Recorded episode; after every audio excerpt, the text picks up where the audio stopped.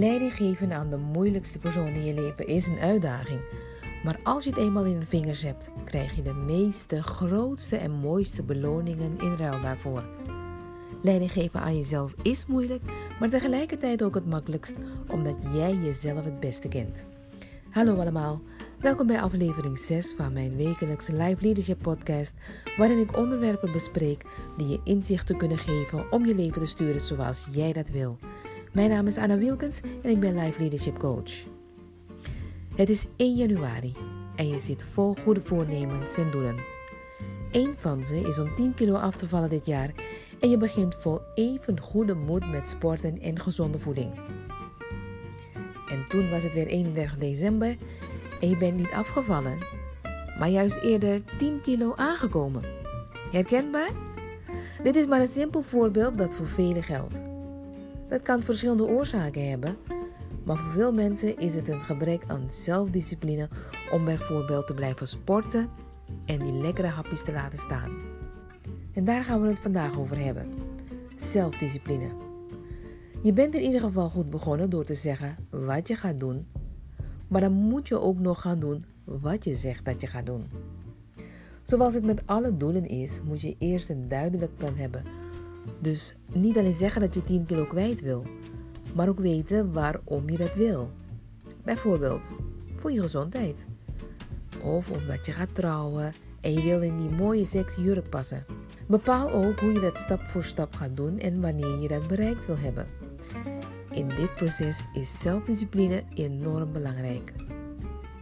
Weet ook voor jezelf waarom je meer zelfdiscipline wil of nodig hebt. Denk even aan topsporters. De reden waarom ze zo succesvol zijn is hun hoge mate aan zelfdiscipline. In sommige takken van sport kun je zelfs niet bereiken zonder die broodnodige zelfdiscipline. Ik zat als jong meisje vol bewondering te kijken naar de atleten tijdens de Olympische Spelen, niet wetende wat ze moesten doen en vooral laten. Ik ben me er wel van bewust dat onze mate van zelfdiscipline niet vergelijkbaar is met dat van de topsporter. Die topsporters hebben coaches en allerlei mensen om zich heen om hun doelen te bereiken. Wij als zeg maar gewone mensen moeten zelf voor die stok achter de deur zorgen. Om je zelfdiscipline dus op te bouwen, moet je allereerst geduld hebben, want het kost tijd. Als je altijd gewend was na elke maaltijd een toetje te eten, zal je dat eerst af moeten leren. En dat zal niet van de een op de andere dag gaan. De een kan het wel, de ander niet. Wees dan lief voor jezelf. Zet bijvoorbeeld overal briefjes of foto's van je doel die je wil bereiken, om je te helpen herinneren waar je mee bezig bent en waarvoor je het doet. De herhaling van die beelden zal ervoor zorgen dat het een soort van gewoonte wordt, wat uiteindelijk gewenst gedrag zal worden. Terwijl je bezig bent, zullen er altijd dingen gebeuren die je afleiden.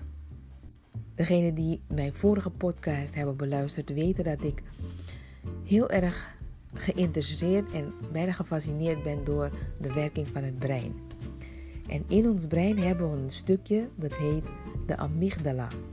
Daarin worden onze emoties gereguleerd. Een daarvan is angst. Als je lekker bezig bent, zullen er altijd momenten komen waarop die vervelende angst toeslaat. Althans, in het begin. En dan kom je voor uitdagingen te staan die je zelfdiscipline op de proef stellen en je succes het saboteren. Wees daar bewust van en ga vooral door. Deel je doelen desnoods in kleinere stapjes op. Of voeg tussendoelen in. Maar ga door. Geef niet op.